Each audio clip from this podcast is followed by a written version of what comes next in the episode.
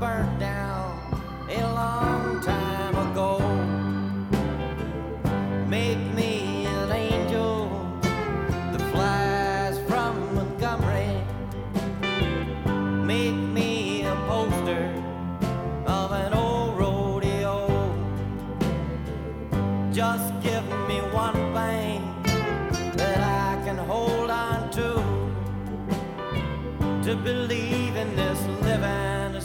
Is just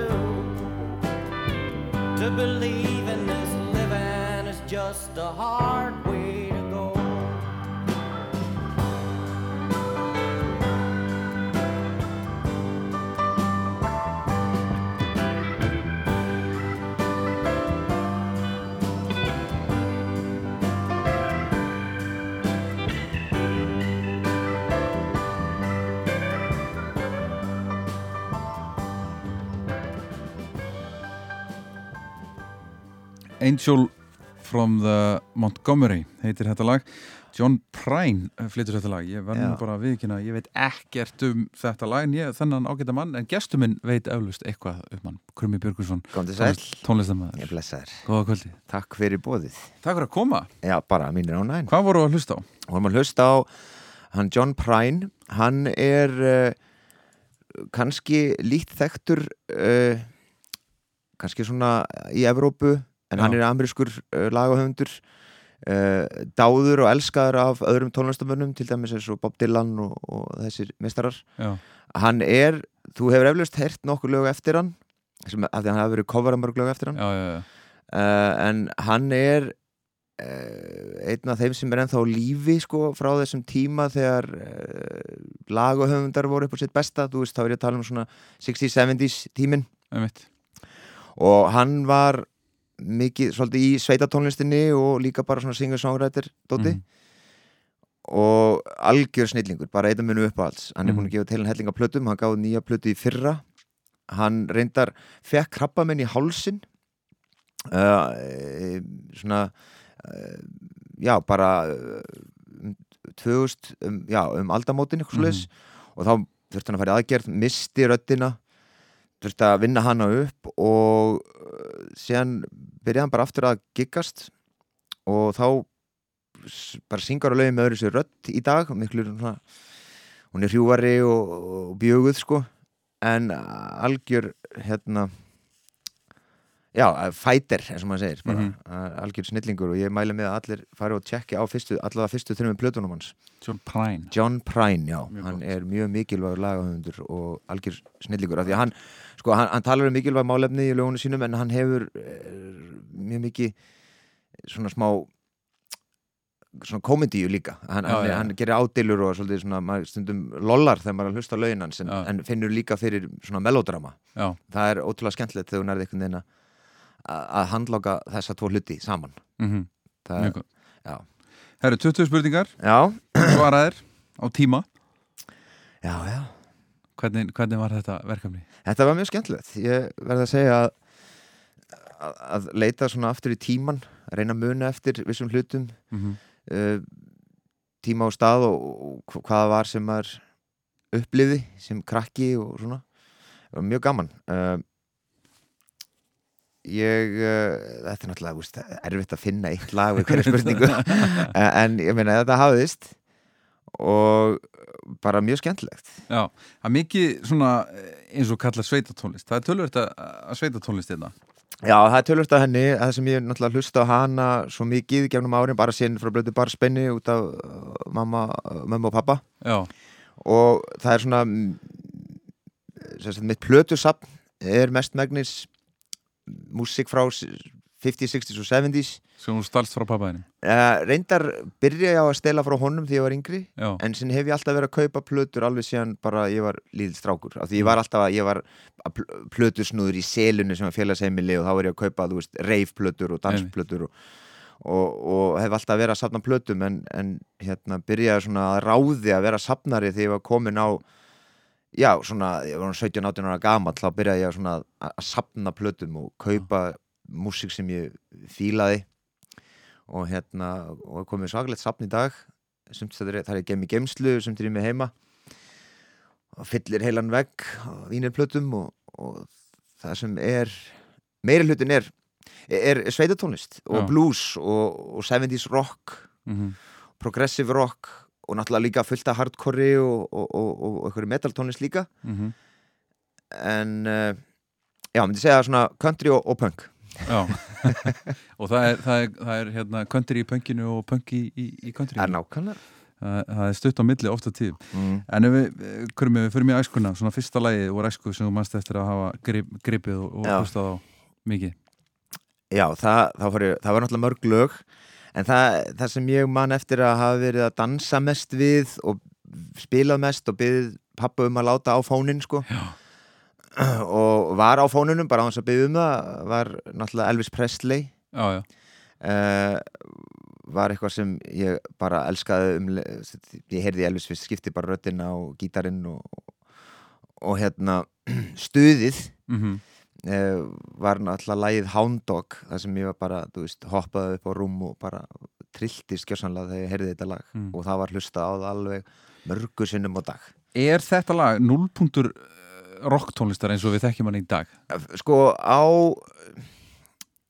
Ég veit að það voru fleiri lög sem kom undan Já, en já. svona, svona, en þetta var held ég sem svona var crossover, Já. sem svona náði e, út fyrir landsteinana og bara til allra á plánutunni þannig séð mest megnis Já. var til dæmis Elvis hann veist, var að covera lög eftir eftir uh, blökkumenn sem Mm. mm. náttúrulega var, marga völdustar vildi ekki spila á þetta það var kallað black music en hann ólst upp við svoleiðis músík og, og, og náttúrulega vastindið aðeins með sinni uh, silkirödd og, og var, veist, var hvítum aður en hann kom frá fátækur fjölskyldu og, og, og var náttúrulega kom úr nágrinni að sem blökkumenn byggu sko. þannig að hann uh, og ég myndi segja hann, hann mátti nú alveg þannig séð covera þessi lög. Á með leifi hann er með leifi Já, og en það er náttúrulega margir undan. Ég meina, mar, þá meina ég hvítir uh, tónlistamenn eins og Eddie Cochran og, já, Buddy Holly. Og, Buddy Holly og, og svona, þú veist, þetta voru þetta voru gauranir sko.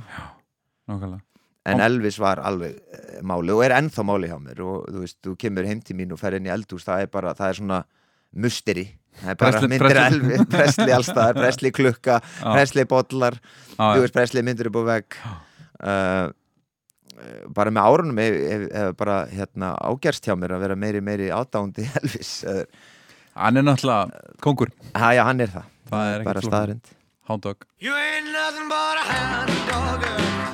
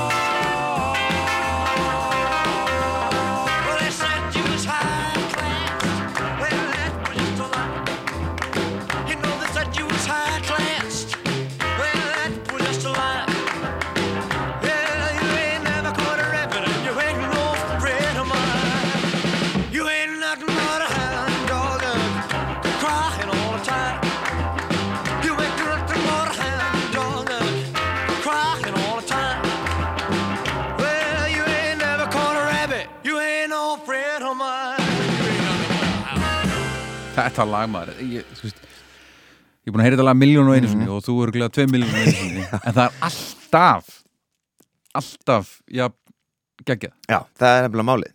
Ég- ég- Þú fær ekki leið á þessu. Nei, og, og þú leifir ekki að fá leið á þessu. Og það, þú heyrir hvað þetta er ennþá hættulegt og hvað þetta er spennandi músík Já, ennþá, nú já. til dags. Já, Bara, og sérstaklega nú til dags. Já. Uh, hvað þetta er organik og, og þú Þetta er ekki finnur- fullkomið. Þetta er ekki fullkomið, það er sem er svo beautiful. Þetta Já. er bara one take. Já, með nokkur, þeimur mækum, Mhm. þú finnur eldmóðin sko, þú finnur það að breytast, þú finnur að táningarnir eru að fara að koma að taka yfir sko. mhm, og núna vilja, þeir vilja að, að, að fullorna fólki hlusti á sig sko. mhm, það hefur margt til málun að leggja. Mhm. Og þetta var, þú heyrið það hana Já, og, þannig músík fyrir mér reyfið við mér alveg gífulega mikið. Nákvæmlega. Veist, ég, bara, ég, get, ég get felt tár þú veist, það er bara og ég segi, við, við kærustunum mína bara, ég menna, heyrur þetta þú veist, bara eitthvað svona sko. Herru, fyrstu tónleikandir já, þegar þetta var aftur á móti held ég erfiðasta. Já, varstu, varstu að vesenast með pappaðinum eitthvað hann þarna var ég verðsins með pappa Er já. þetta Broadway kikið? þetta er brotvik ekki Einmitt. Og málið er að þú veist, ég menna, það er erfitt að fara svona aftur í tíman og reyna að muna þessar hluti, en ég fór alveg ég reyndi bara eins mikið að hérna uh, já, ég reyndi að kafa eins djúpt í mögulega gatt og þá man ég eftir að pappi vann uh, sem uh, skemmtarnarstjóri á Broadway mhm, Hotel Íslandi. Og hann uh, flutti inn Jerry Lee Lewis, The Hollies og The Shadows. Já, og, og, og, og fleiri Fats Domino. Ég hitti allt, all, all, all þetta fólk Já. í lítill sem var alveg ótrúlegt. Og hérna eh, ég man eftir til dæmis að Fats Domino kom þá var hann með alveg svona marga gullringi á puttónum sko. Og, og mér, það var sagt um mér sko eitt gullringur er bara eitt einbilshús já, og já, hann fór í Sævar Karl sko já, og kefti bara búðina. Það var rosalegt að sjá sko. Hann bara alveg keiftina því alla búðina alveg dýrustu hlutina en hann var, og, hann var mjög næs og ég maður að trommarinn í bandinu var alveg rosa skemmtileg um mig alltaf eitthvað, give me five og eitthvað svona. Já, já, já, en já, en ég man eftir ég fór með pappa eh, svona, þetta er náttúrulega mjög röff í minningunni. Já, já. Við en, skulum ekki, við skulum ekki eðalega góða nei, alls ekki, en ég man eftir að hann dró ég fór eh, sagt, ekki á tónleikana um kvöldið af því ég var bara, held ég, 5-6 ára gamall. Já, að hann, ég fekk að fara með honum í soundcheckið. Og þar fekk ég að sjá eitthvað þrjú fjögur lög sem þeir spiluðu í soundcheckinu. Mhm. og, og þá og ég var mikill ég hafði mjög gaman á Shadows Já. bara gítarsándið og já. þetta var eitthvað, þetta er svo ævintýrlegt sánd Já. bíómynda tónlistalegt Þetta er já. Þetta þetta er bara instrumental músík þetta er bara post-rock á þessum tíma. Þú veist, bara instrumental. Uh, og það var lagi Apache þú veist, uh, sem var svona er frægasta lagi þeirra. Mhm, og er geðvett lag. Og ég man eftir bara að, að það, ég vildi hlusta mikið á Shadows eftir þetta. Mhm. og hérna og já, ég verði gert alveg síðan. Ég á einhverja Shadows-plötu heima, eitthvað vínileg, eitthvað 20 grade, svona, svona gilt einhvern veginn ég, ég líka, Já. já, það er. Það er rosalega plata. Það er æðislega plata, það er bara plata sem hendir á og það er bara öll lögin æðisleg og þú bara, hún rúlar í gegn. Já, eldar á meðan. Það er fullkomið þannig plata, algjörlega. Shadows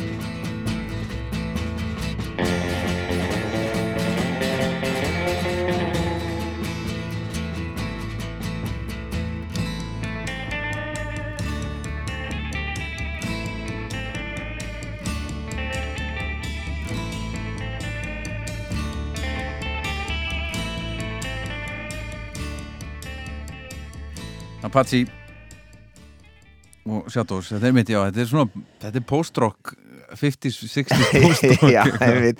þú veist, þarna náttúrulega var Dick Dale og það voru náttúrulega að kom svona alda af instrumental gítarböndum á þessum tíma. Mhm, í, í brotti fylkingar Shadows. Mhm. og þú veist uh, skemmtlu tími. Uh, vel spilandi og frábært sound og heyrir hvað tape soundið og þú veist, þeir eru með hérna gömlu uh, lampamagnarana og, og, þú veist, og reverb soundið bara, herru, þetta herbyggi flott reverb inn í þessu herbyggi, förum Einmitt. förum með þetta hérna inn og þá fáum við þetta organic sound og fallið þetta að hlusta á sko. Talandum, hérna, tape, tape soundi náði mínus að taka upp á tape. Já, við tókum til dæmis, við tókum upp Haldur Lagsnes á tape. Uh, Já, nema vókalinn og hérna En þið þurftuð ekkert að gera það, sko? Nei, en það var teipmaskinni í Sílandu á þeim tíma Já, og Ken. Thomas og Bibbi vildu nota teipið. Já, já, já. Og Ken Thomas bara yfirfór teipmaskinuna, analogin mm hreinsaði hann alla og alveg, tók hann alveg í gegn sko.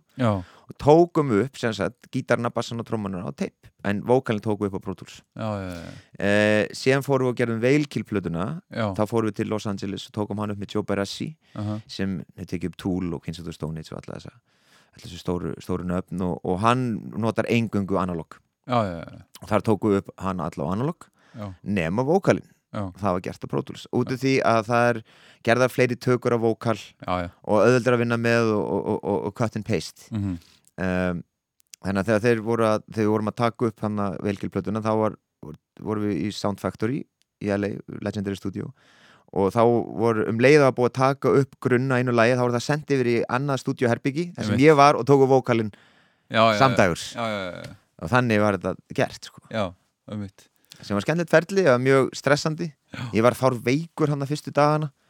Fekk svona eitthvað spennufall og bara þú veist uh, já bara í öðru umhverfi og nýjar bakterjur og, já. hellaði tímamismunur. Já, akkurat en veist, það var bara NyQuil og, og, og drukkið vatn og farið snemma að sofa og sen veist, fór pestin og það var bara farið beint í vokala mhm, en teip er náttúrulega það er hægt að gera það er hægt að herma eftir teipinu með alls konar plugins á Já, já. Pro Tools í dag en það, þú nærið samt aldrei alveg sánduna því það munar að vera með hardware og digital, það Já. er bara, það er munur sko. það er munur en það er, þetta er að vera betra og betra en ég held að það mun aldrei nást 100% sko. Nei, og prósessin er öðru sí hvernig þú bara hvernig þú nálgast upptökunar með því Mhm. að nota teipa. Þú, þú ert meira á tánum og þú þarft að ná góðum teikum. Handfjallar þetta líka. Já, heldur á þessu. Já, er, það er, það munar sko. Já, það gerir það sko. Uh, er nú fyrir við, höldum aðeins áfram í æskunni kurmi Já, það er mjög gaman að því. Já, það ekki? Jú, ég fíla það. uh, við veit að það var mikið hlusta á músík augljóslega, af augljósum Já. ástöðum var hérna, og er eflust ennþá engungu tónlist á heimilinu, bara Já, 24-7 alltaf, eða ekki? Ég, það, það er mikið mikil tónlistspiluð Já. ég er búin að fá pappa inn í þáttinn sko. Já, ok. Það var mjög gáð Ég hef nú ekki heyrt það, nátt Ég verð að tjekka Já. Þetta er á hlaðvarpinu. Já, já, og podcasti nice. og allt maður. En hérna, en hvaða lag mannst þú eftir að, að fóruldreinu voru? Það, er rosa mikið sem ég mann eftir. Já, veist, það var mikið spilað Sam Cooke mhm uh, Mikið myndina? Já, ég horfði á hann í gær Vá, fílík mynd Rosalega mynd Já, Ég var alveg bara límdur það var áhugavert sko hérna að sjá sko hvernig hann hagaði sér á tónleikum í, þú veist, Brooklyn Já. og Harlem Einmitt og alls þar annars og. Já, einmitt Þa, Þá var hann alveg bara full on gospel bara, þú veist, sól bara- bara, á njánum sko. Já.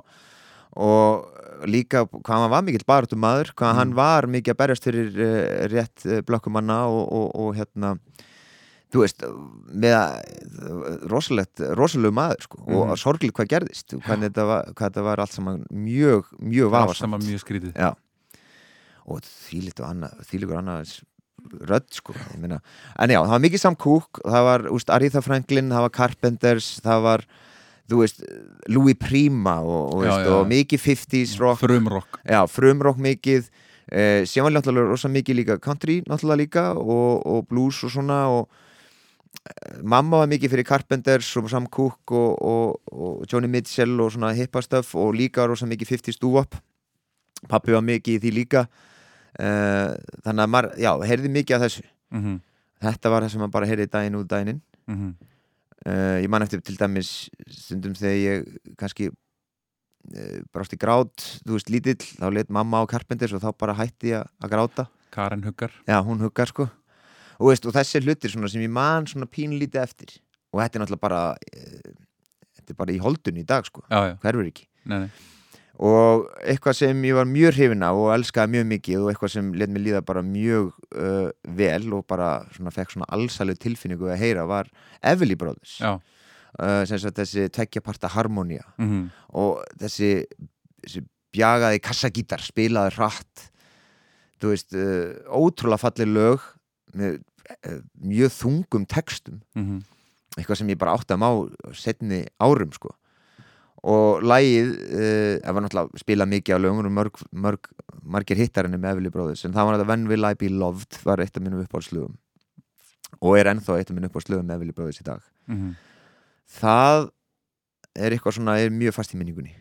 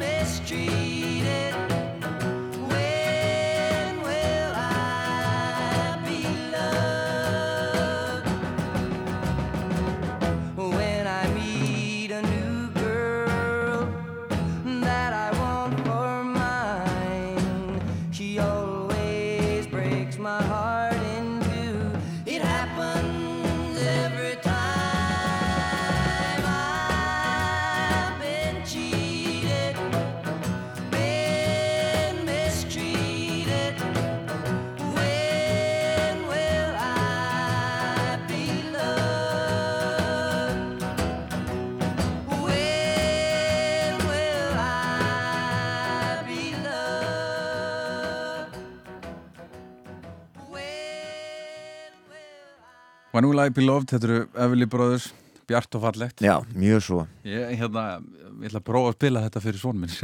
Já, sjá hvað gerist. Já, þetta er svo, hérna, hann er hann, hann ver- verður eins og svo morgun. Já, ok, til og hann ég, með það. það, ég, er með svona bluetooth hátalara Já, og svo kveiki á Spotify símanum og hann heldur, já, ok. bara heldur utanum og, og finnur Já, og, og, bara, já, Já. heldur að við hjarta á sig já, liggur, og tekur svona trilling sko. Þetta það er frábært. Og við, þú veist, sum lög sumt, hérna, sumt meikar hann ekki sko. Og sumt svo slær í ég- gegn. já, sumt Já. slær í gegn og ég er að prófa sko og það er áhugavert að sjá sko. Hann, hann elskar Hendrix Já, en gítarinn bara. Já, já, einmitt. Að þú veist, ef það hérna, það er mikill gítar þá er hann alveg Já, já, tristur já. sko. Hann eftir, að, hann eftir að fatta söngin setna mér já, En þetta var Jimi Hendrix náttúrulega engin söngari En hann söng bara blúsin já, já, og, og, og, veist, og var ekkit endilega að taka frá gítarnum sko. Nei, ég var með Múkisson, ég var með hann hérna í þessu þætti fyrir nokkru viku síðan, hann er mikill Hendrix maður sko, Já. hann vildi meina að Hendrix hafi verið sko málari, hann, þú veist, Já. lögin hans eru málverk, Já, einmitt svona heldapakki sko. Ég er alveg hrig, svo mikill Jimi Hendrix fann og enda er hann hérna á listanum. Já, við förum í hann á eftir. Og ég til dæmis áskotnaðist tvær ljósmyndir eh, sem sagt frum eintök af tveimur ljósmyndum af honum baksviðs sem var eh, tekið á honum uh, uh, Sigurjóni ljósmyndara Já, í Svíþjóð, ég sé þessa myndir. Já, Já, og, og hérna ég þekki nefnilega síni hans og þeir gáfu mér tvei eintök. Wow, og það er rammaði Að sjálfsögðu. upp á vekk heima. Já, og hann er svona með síkó, svona rosa röff sko, þetta er svona, hann veit ekki að vera að taka myndir á sig sko, mjög, mjög fallega myndir. Já. og það er, það er ég með þykir mjög vænt um, þetta er baksins eða ekki í Stokkólmi ég held það jú. Já, hann, hann sko, hann svindlaði sér inn einhvern veginn og þú veist, náði einhvern veginn að koma sér inn, þetta var með þeim síðustu tónleikunum hans. Já, og, og guttfallega myndir. Já, herru, Sackmynda Sælan næst. Já, Þar, þar ferðu bara í, í bítil. Já, sko, af því ég man ekkit það mikið í æsku hvað ég var að eh, skammast mín fyrir að hlusta á þá veist, ég meina, þá er ég að tala um því ég var bara, uh, hérna bara snáði, sko. Uh, en til dæmis bara þegar ég náttúrulega bara elskaði bítlan alveg frá Blödu Barspenni það sem pappi spilaði og Hey Jude, það var bara að spila Hey Jude na na na og það var bara, pappi, getur spila ég kallaði alltaf na na na lagið. Já, já, og síðan náttúrulega egnaðist ég náttúrulega, veist, átti, var eldri og svona, og egnaðist vinni og við vorum allir fyrir bítlana og það var sömlega sem má, mátti ekki fíla já, já, til dæmis svona svolítið, þú veist, það er svolítið, glata að fíla eitthvað um jógó og svona Já, en hérna þannig að, að þú veist, obladi, oblada eitthvað svona sko, sem ég veist frábært lag. Já. En allavega, þú veist, það er mjög fyndið lag. Það er mjög fyndilag sko. og, og en hérna til dæmis bara með Lennon-lægið Ó Jóko uh, fannst mér alltaf bara geðveitt lag. Já. En því stundum sagði svona æ strákar, þetta er frábært lag. Það er nei, þetta er glata lag þetta er ekkit gott lag með John Lennon og hann átti ekkit að hafa þetta á plötunni og Þetta er dararara frábært lag. Og mér, ég bara strákar, hlusta á versið, það er ógeðslega cool. Já.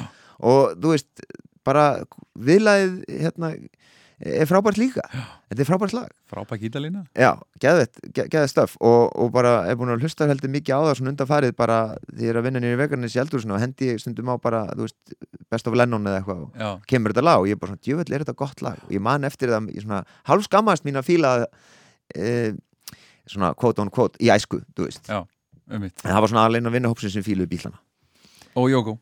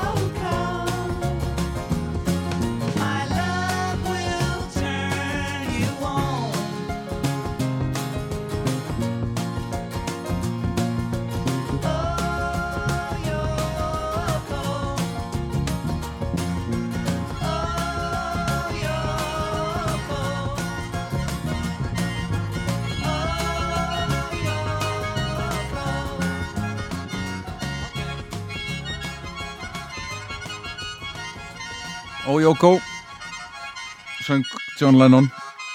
Og við krummu vorum að ræðum uh, McCartney hvað þetta var í McCartney-esk lag. Já, það er það.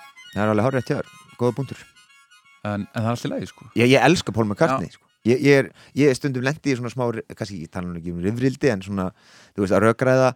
Og ég sem er, nei, er bara Lennon. Ég veist að ég er alveg, getur stundum verið meiri McCartney maður fyrir eftir dögum. Já, já. Því hann, hann er náttúrulega algjör snillingur og lögin sem var samtíð bara Mhm. ótrúleg. Og minna margar af þessum hugmyndum af hérna af þessum, þessum kon, konceptplötum kom bara frá honum. Og þeir, þeir lágu bara í leti og McCartney var bara í stúdíón McCartney vann. Já, hann basically vann.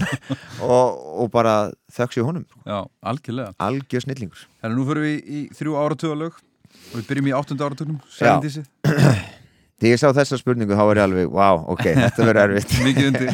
Já, af því náttúrulega ég elska músík frá þessum tíma. Já, uh, Þannig að mér langaði að fara í svolítið svona sjálfgjaft Já. eitthvað kannski sem fólk hefur ekki heyrt mikið um. Mm og, og band sem var mjög vannmetið band en álitnir álitið sem algjör snilda band innan þe- sína kollega. Og það er hljónstinn Big Star. -hmm. þeir gáfu út uh, til dæmis uh, sína plötu sem var uh, sem sagt, uh, sjálftitluð Big Star plata uh, sem er bara algjörn mistaraverk kom út 71 og er einu minn umhverfsplötum uh, allra tíma Mm. og hún fór svolítið undir radarinn af því það var náttúrulega mikið að góri músík hérna á þessum tíma og, og þeir náðu ekki alveg, komast ekki alveg á flug en svona árum eftir Já. var þetta svona svolítið grafið upp og, og hérna fólk byrjaði svona að votta sína virðingu gannvart þessu bandi. Alex Chilton og Chris Bell uh, báðir uh, einræðis herrar og snillingar í hljónstinni uh, eru fallinir frá í dag uh, gerðu sóluplötur en þeir þetta var, þetta var hérna forced to be reckoned with ef, Mhm. við maður nota enskuna. Og ég mæla endur í með að fólk tjekka á Big Star. Og þetta er lag sem er með eitt ótrúlega fallit viðlag. Eh, það er, bara kemur yfir með einhvers konar velíðan og, og, og, og hérna fæ bara, ég veit ekki, læt mér líða rosa vel. Og það er hérna Ballad of El Godot. Og það er á þessari plötu, fyrstu plötun þeirra.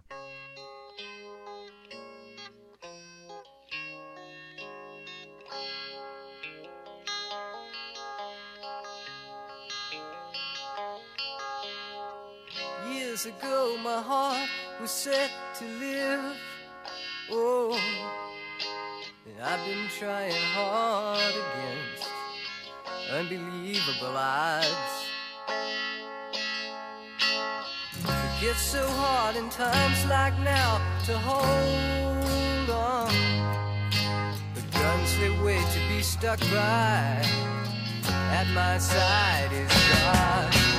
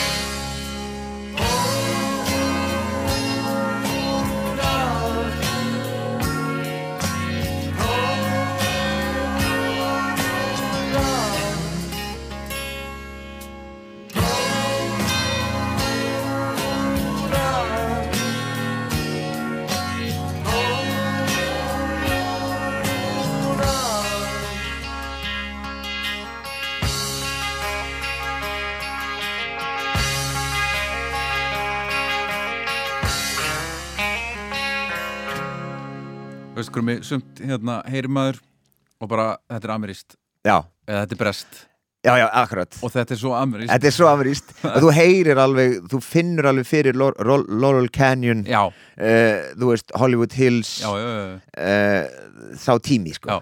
þú veist, sólinn og þú veist, með blóm í hárinu, sko. Þetta er bara Kalifornía. Já, þetta er bara eh, Ventura Highway, sko. Já. og ég elska það sound Já, þetta lush, mhm, sveim, sveimkenda sound, sko. Veist, birds og mhm, Stills og Nass og allt þetta stöf mhm. Og Big Star uh, voru uh, átt, veist, ég meina fólk hafði miklu að trúa þegar áttu að vera alveg bara jafn stórir og birds en Það tókst aldrei? Nei, það tókst ekki. Það uh, það var vesen með plötu fyrir tæki dreifingu og eitthvað svona vesen sko. Og enda líka voru sko Alex Chilton nei, fyrir ekki, Chris Bell var mjög erfur hann var svolítið tæpur og geði og Já, þú veist, þeir voru allir að díla við alls konar eh, vandamál mhm, um, eins og flestir svona uh, snillingar gangi í gegnum sko. Mhm. þeir gangi, það er svo mikil sársöki sko sem Mhm. kemur uh, já, sem hjálpar með að búa til svona fallega tónlist sko sem Mhm. þeir beinti hjarta stað. Er það hópuð tíu ár, nýjunda áratugurinn já, Hafferðu í eitt af mínum uppáðslögum bara ever? Já, heggi ég er nefnilega ætlaði líka að fara þarna í eitthvað obskjör Já. en ég hugsa, Nei. ég, ég ætla bara að nefna lag sem allir hugsanlega þekkja og, og, og bara eh, komst að þessu niðurstöðu. Þú veist, Þetta er af af mér upp á tónlistamönnum ever. Mhm, uh, hann er bara, maður mað stundur bara að kalla hann bara pappi Af hann er bara pappi allra. Já, já. Svona eins og Mark Knopfler út Dire Straits eða eitthvað, þú veist, það bara Æ, og, þú veist, það fíla hann allir Ég held, ég held ég hafi ekki hitt mannesku sem að fílar ekki brúst Nei, en ég, myndi, ég, bara, ég vil bara faðma það mannesku og segja, veist, Þetta er allir leið þetta er alltaf læg Þú veist, það er aldrei ósint Nei og, og það er Bruce Springsteen mhm. það er, það er bossinn og, og hérna lægið I'm on fire Hefur þú síðan? eða? ég hef nefnilega ekki séð hann. Nei, ekki heldur sko. og það er á mínum uh, bucket list að Í sjá New hann Jersey Maður verður að sjá já, hann. ég verð að sjá hann og það, bara Finsbury Park er eini staður sem kemur til greina sko. já, það er maður verður bara að fara að sjá Já. hann. það er bara ekki spurning ég, ég hef ekki séð hann og það er búið draumi lengi lengi lengi Já. lengi lengi og bara þú veist, ég menna ég held að ég kemur upp í hugminn svona da- daglega sko, bara djöðl, ég verður að, að sjá Springsteen Mhm. og hérna það voru nokkur náttúrulega frábær mörg 80s lög sem hann gaf út uh, þú veist, ég var að hugsa um að kannski Tougher Than The Rest eða eitthvað svona sko. En I'm on Fire er bara eitthvað ótrúl, það er svo mikið það er svo mikið galdur við þetta lag. Það, það er bara eitthvað það, það er bara tvær mínútur. Já. og mann vill bara spila aftur aftur, hafa bara repeat já. skilur mann vill fá svona long edit version. Já, einfaldur en samt ógislega flókin text Já, ógeðslega flókin texti Rinjandinn er Já. uh, mjög erfitt með þess að bara að- að ko- að cover þetta, þú veist, hafa það? rinjandinn í lagi. Nei, ég meina bara til þess að ná þessum, fra, þessum, Já, já. þessum fraserningum hjá honum. Já. Ég meina, það er alveg hægt og þetta.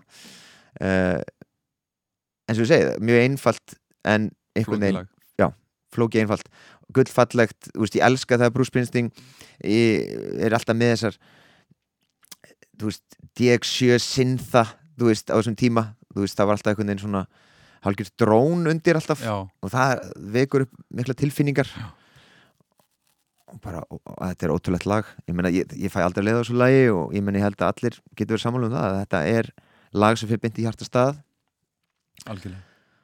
Og myndbandið er mjög fyndið. Ég hef aldrei séð þetta mjög myndbandið voru tjekkaði, myndbandið er að hann er sagt, hann er bifileverki það kemur svona æsla sæt sæt kona með bílið sinn, svona gamlan, svona kupti vilbíl já, já, já. og lætur gera við hann, hún er skotin í honum og hann fyrir að laga bílinn hennar og, og hún svona gefur honum heimilsvangi sitt. Og sér byrja hann svona að lappa svona, þetta er svona já, svona ljúfsára lappa svona, lappa framhjá húsin hennar, stoppa fyrir utan og svona ætti ég að fara og dingla hjá henni eða ekki?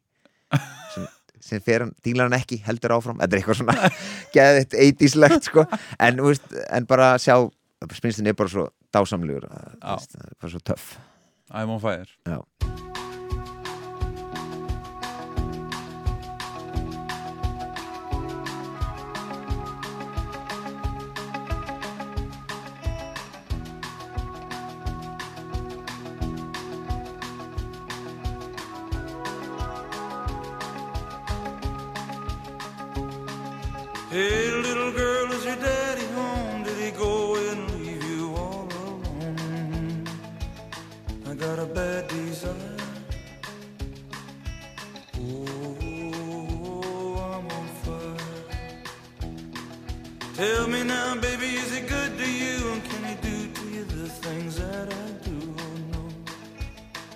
I can take you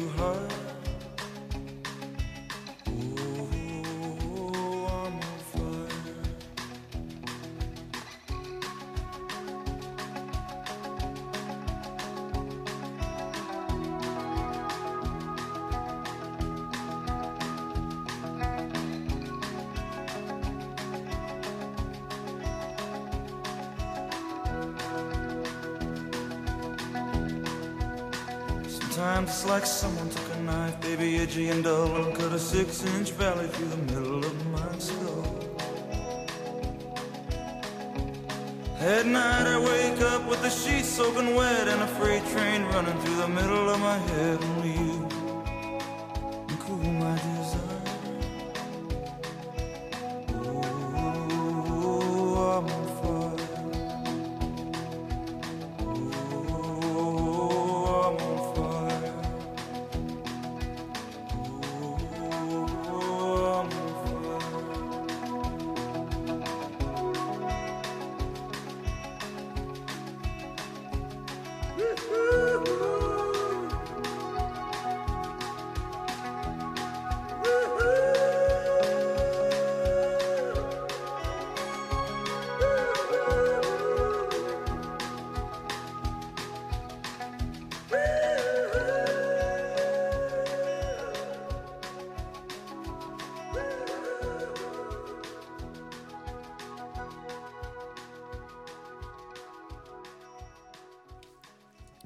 I'm on fire, Bruce Springsteen Krömi Björgusson, tónlistamæður gestur minn í kvöld og við erum komin að tíund áratögnum yes.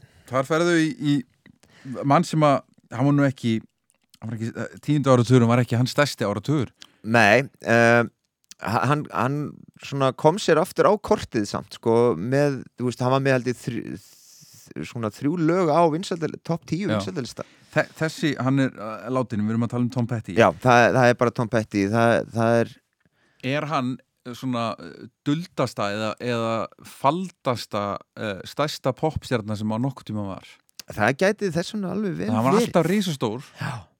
en einhvern veginn alltaf ekki inn í, Nei, hann, inn hann, í þungamiðinni nei það, það er kannski svolítið sko, hann, hann hefði átt að vera náttúrulega bara um, kannski uh, þekktari en hann var um, hann var svo, hann var náttúrulega algjör töffari. Hann var anti-establishment, anti-allt. Hann bara saði sem hann sem hann uh, hjarta á honum uh, leið sko. Og ég get með sannir sagt að hann er einn af mínum langu uppáhalds tónlistamönnum top, top 10, ekki spurning. Ég hlusta mikið á hann daglega platanas Wild Flowers og þess að þetta er, þetta er bara snild um, hann náttúrulega er svakar, var svakalegu lagahöfundur. Það er bara svo sólík hvernig hann fór sko. Ég menna hann var komin í eitthvað svona uh, svona eitthvað, eitthvað, eitthvað læknislif og bara hann var, hann var hann var bara í mjög góðu tómi. Hann var, hann var túrandi, hann var spilandi uppsöldu tónleika út um allan heim. Sem bara gerist þetta. Ég og, og Bjarni Sigurðarsson gítarleikari mínus uh, erum alveg svakalegri fans og, og Bjössi og allir strákanir í mínus. Mhm. Hlustuði mikið á hann á túrum og svona. Og já, ég, ég, haf, tók, tók mikið á bara þegar hann fjall frá sko, ég verði eiginlega að segja þetta. Ég hug, hugsa ennþá um það bara því hvað hefði verið frábært að þetta hefði ekki gerst og hann hefði verið bara ennþá um, að gefa plötur og um, það er bara meir að tala um þetta.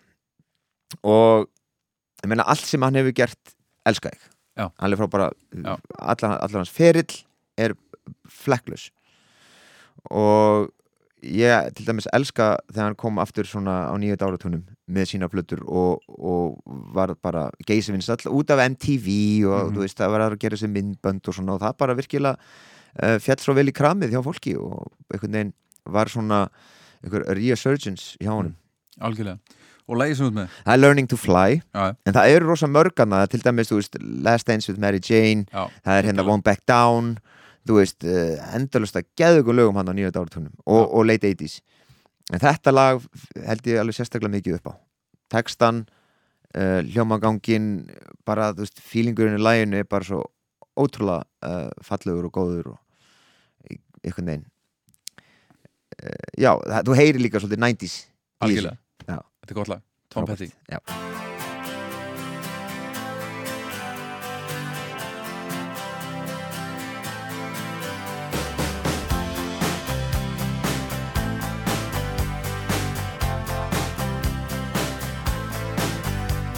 I started out. Down a dirty road. Started out. All alone, and the sun went down. As I crossed the hill, and the town lit up the world gets still. I'm learning to fly, but I ain't got wings. Coming down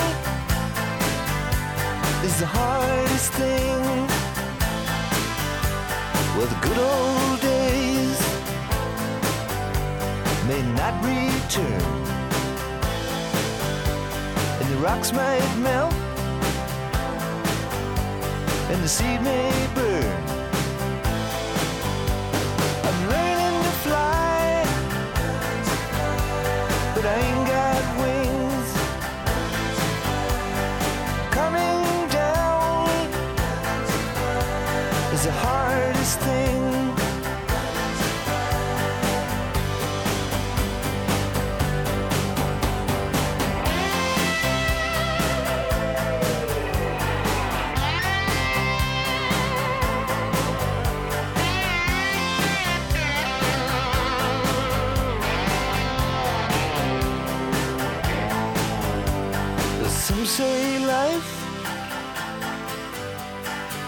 beat you down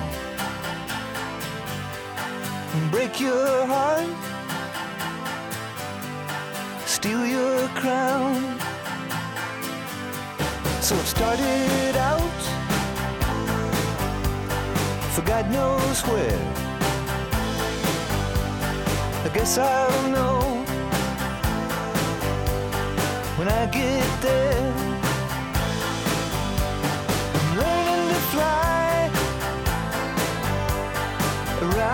Clouds. What goes up must come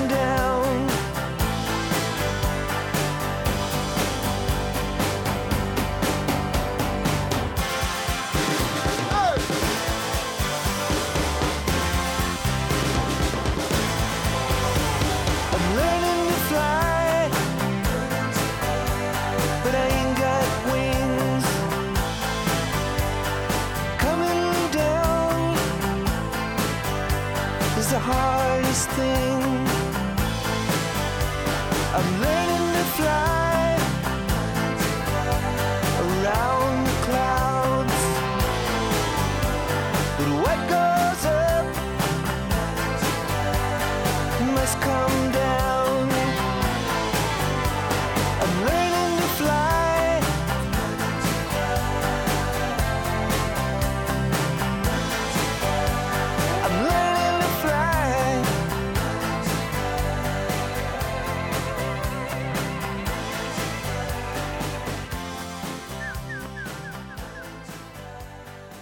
Tom Petty, Learning to Fly.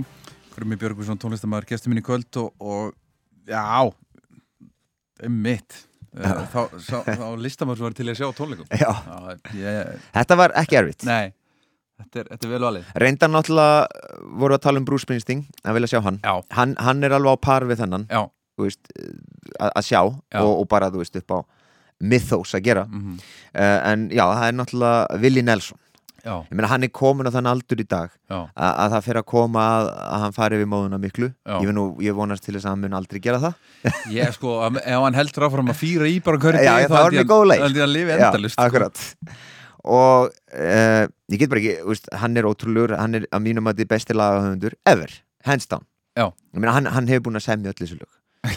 Ég meina, veist, sko. fólk veit ekki svona hva, veist, fólk sem elskar lög eftir ykkur flytjendur og veit ekki að þetta er lag eftir Willi Nelson. Einmitt. Um, hann er hann er eitt, bara eitt svo sérstakki tónlist bara, hann, er, hann er bara sér á báti. Uh, ég meina bara hvernig hann er hvernig hann, hans lífstíl og, og, og, og hans hérna hans trúabrögð uh, en ég, ég hlusta hann er svona eilíðar eilíðar country hippi Já, hann er það. Og hann er með þeim fyrstu sem saði bara, þú veist, til fjandars með ykkur í Nashville sem voru með þetta uh, clean sound að reyna að fá allir til þess að syngjum bara, þú veist, tyggigúmi og, og, og, og vera skotin í ykkur stelpu. Að hann nefnilega fór í gegnum það ferli. Já, þeir tóku hann, hann gáði nokkra plötur hann í Nashville og það voru bara pródúserar sem pródúserar alla plötunum frá Nashville á þessum tíma sem bara svona er formúlan Já. hann vildi ekkit verið í þessari formúlu. Hann vildi brjótast úr þessu formúlu. Uh, það var náttúrulega þessi uh, hippa kynslan var að koma stert inn. Uh, þú veist málfrelsi berjast fyrir réttum fólks og það var stríðið af Vietnam stríðið, allt í gangi. Og Willi Nelson bara sagði, herðu, ég, ætla bara að flytja til Texas og gera sem ég eh, vil, vil gera. Og þá var til þess, þess, útlaga sveitatónlistin. Let hárið vaksa veist, reykjandi kannabis eh, á móti stríðinu eh, á móti eh, þessu, þeir sem voru svona konservativ eh, allt þetta sko. Mm og hérna og bjóð hann hefur bara haldið sér við þetta. Já, hann er ennþá í. Texas. Já, en þau í Texas býr þar bara á uh, svona einhvers konar bíli þar. Mm Held- heldur, þar heldur hann tónleik þar heldur hann tónleika árlega Já. sem ég ætla að fara í daginn. Já. Og bara ótrúlegt sko. Og ég meina hans uh, disk, diskografía er alveg svakaleg. Og hérna ég er, þessi lögin sem eru saman eru, eru svo ótrúlega fallega ég meina það er eins og hann hafi bara einhvern veginn hann er beintegndur. Hann er beintindu við eitthvað sko. Það, er- það er bara hreinu. Já. og hérna eh, já, ég verð, verð að sjá hann live. Mhm. þannig að það er áseint og lægið sem hún valdi með Willi það er Blue Eyes Crying in the Rain sem er eitt fallegasta country lag allir tíma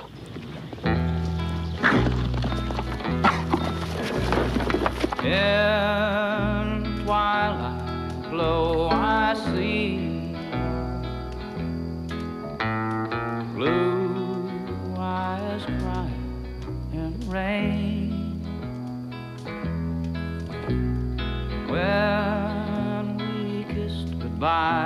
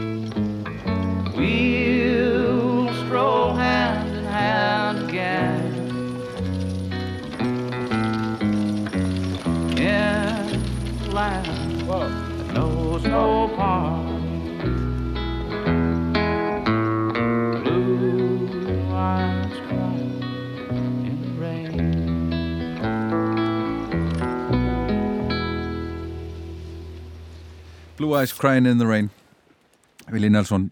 Veist ég á til dæmis mikið eftir að Nelson ég var svona bl- hlusta á plötur og plötur og, Mhm. og, og lög og lög, þekki svona en svo þegar maður hor, þegar að ég, ef ég byrja þá þarf ég bara að byrja á plötu eitt og enda það er bara að klára þetta Já, já, ég, ég er svo- svolítið þannig líka það, það, það, er, það er gott að hafa það Já, eða svona stundum tekum ok, já ég tek þess að í miðinu kannski já, pásur kannski á einhverju og já, ferði miðuna En svo horfi ég á, á kataloginu og svo er bara Já, mikið.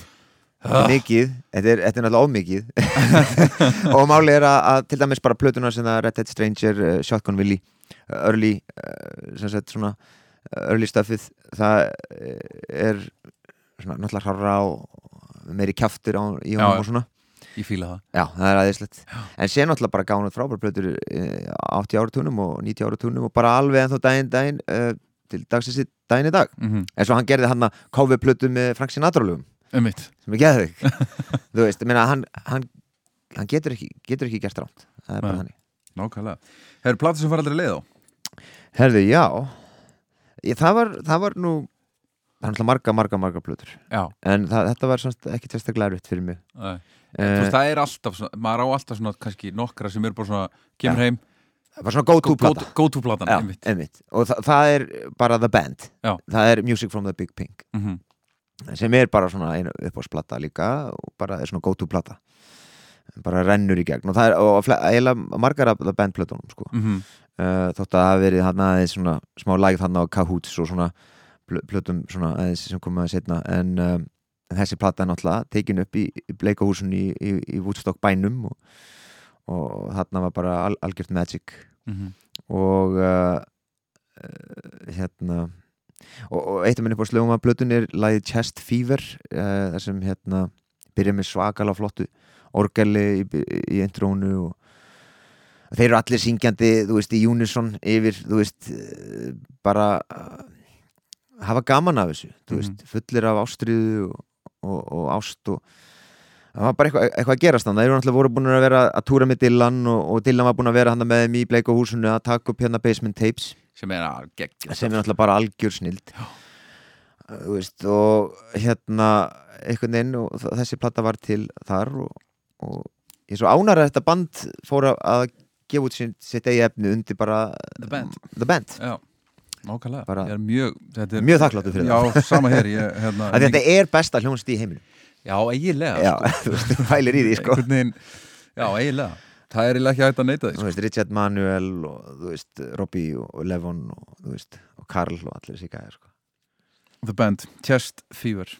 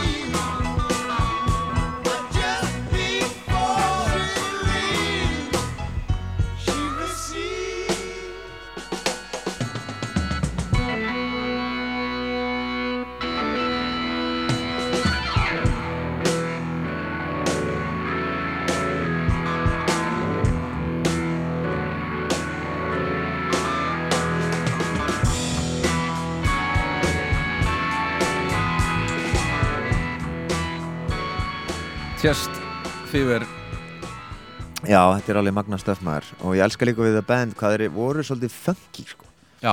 Þeir komið svolítið funkið inn í sveitatónlistina. Emitt og þú veist svona karnival feelingu stundum.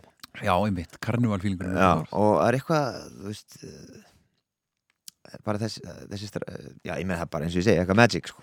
Það sem að hérna, það sem að þeim tókst að gera mjög vel var sem að tókst, list, næsti listamaður tókst að gera alveg að í hináttinni er að The Band var alltaf þú veist, hljómsveita hljómsveit. Já, það fengu allir Já. pláss, þú veist, allir. Já. og maður fann finnur það og hlustar á þessa ekkert smá. Alveg, Þú finnur alveg bara allir með sína rödd fá, fá að njóta sín á plötunum Já. sem geta allir sungið á sama tíma.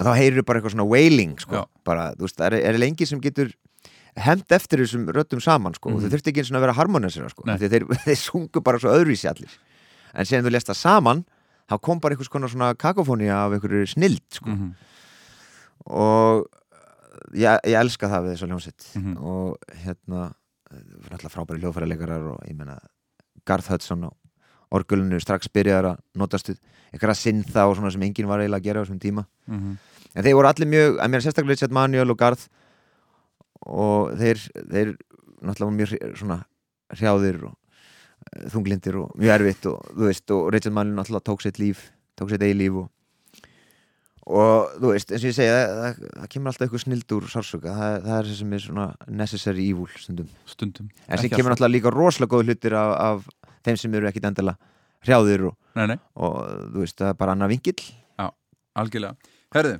uh, platið sem var þetta leið á nú förum við í fyrstu blöðuna Já, þetta var erfitt. Þetta, ég þurfti að hugsa mig vel um að því ég bara manið ekki alveg nógu vel hvort þetta hafi verið fyrsta platan sem ég keifti en ég man að þetta er svona með þeim fyrstu plötum sem ég eh, langaði mjög mikið í og bað um fekk vasapenning fór nýr í plötubúð þú veist í strætó keifti plötu Já.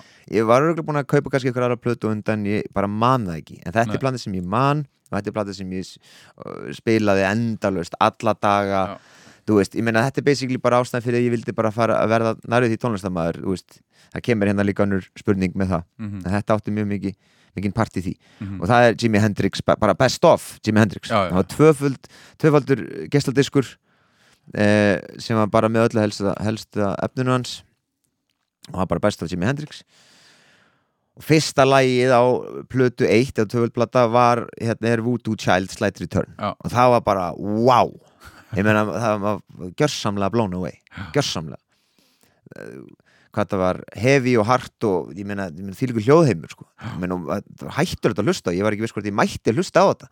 Það var svo mikið distortion á gítanum og mikið, mikið læti og það var hættulegt sko og ég fann alveg og svona ok, þetta er þetta er eitthvað sko. Þa- þannig erum við þannig er ég komist, komin á komið á, búin að finna eitthvað skonar já, eitthvað fjarsjóð sko sem ég bara eh, vissi ekki væri til og, og, og það breyttist bara eitthvað inn í mér. Mhm, og ég er búin að vera alveg geðsjúkur aðdáandi síðan mhm. það er Jimi Hendrix.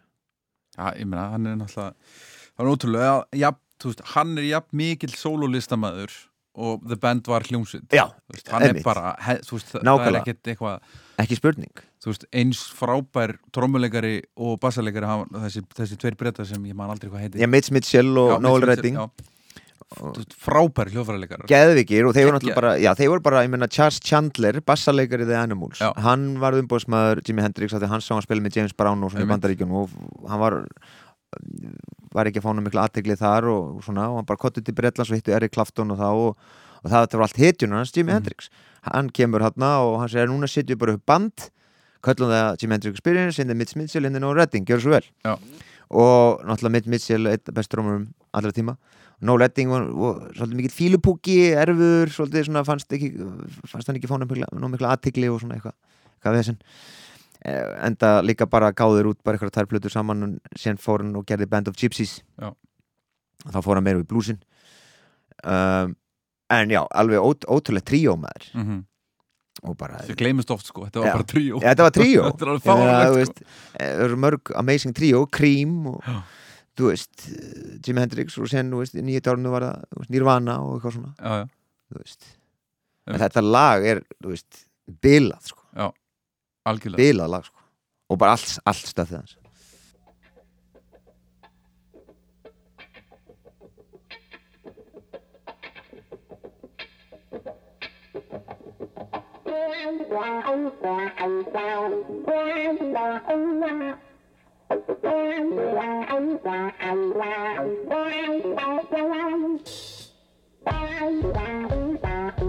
Thank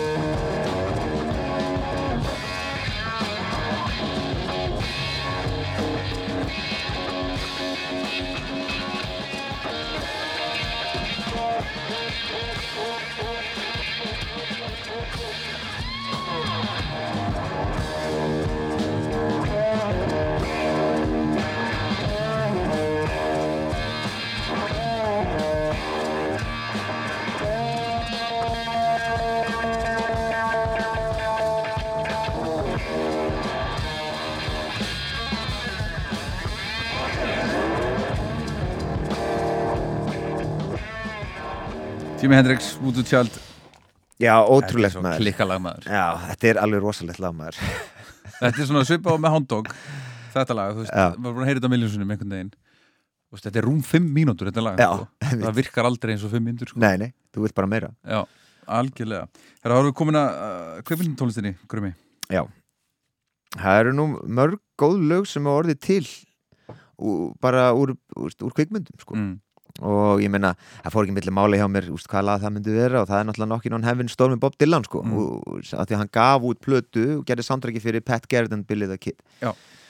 og svo plata er bara Bob Dylan plata Já, já og alveg geðsjúk plata mm alveg ótrúlega góð plata og öll laun frábær og hérna og náttúrulega þetta monster hit sem kom frá þeirri plötu, Knockin' on Heaven Store Já.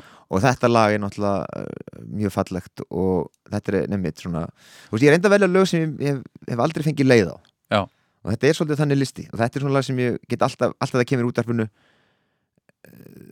ég, það spila svolítið mikið útarp heima inn í eldúsi sko. Já, fyrir kísunar og svona það er útarpið alltaf í gangi.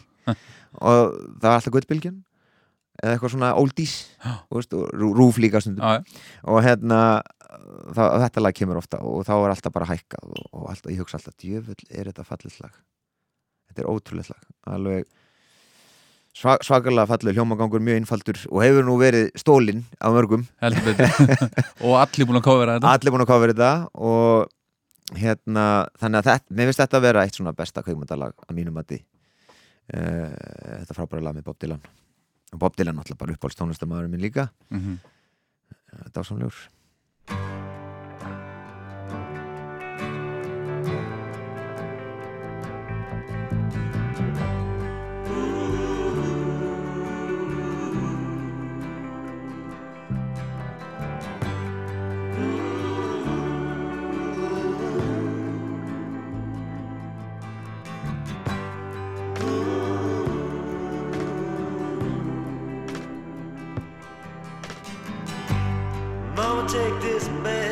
badge off of me.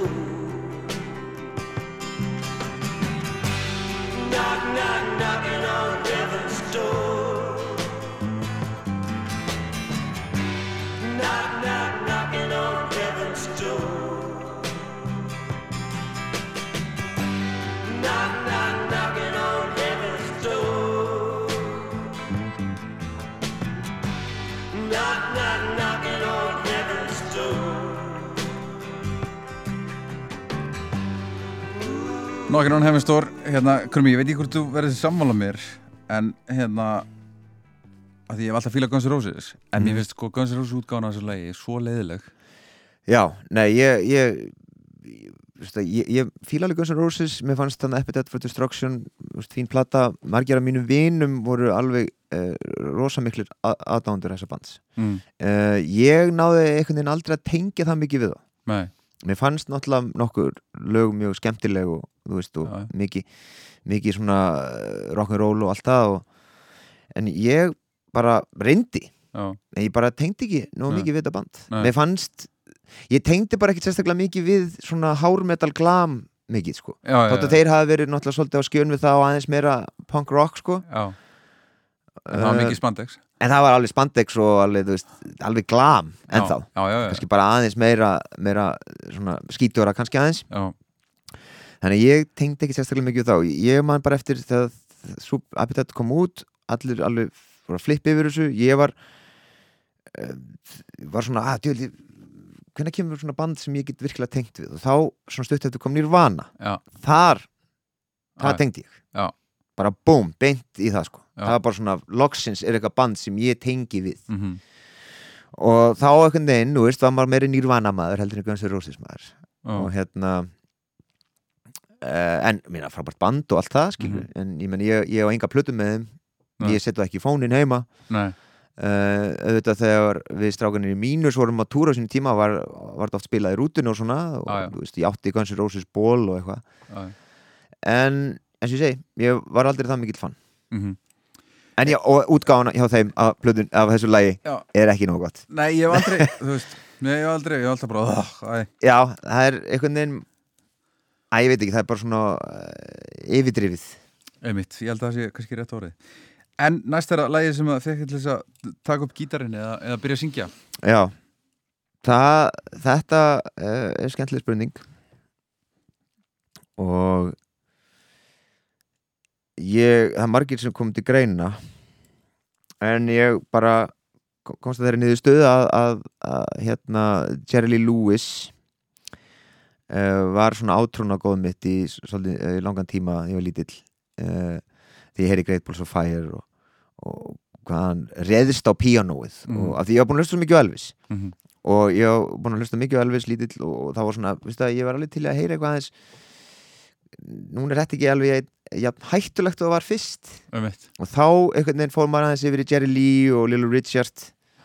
Og þeir sem þeir spiluðu svona uh, já, það var mm, svona já, harðara Já. basically.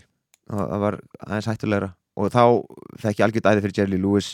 Og þá gaf mig að læra að spila einhvern veginn boogie-woogie rock'n'roll á piano.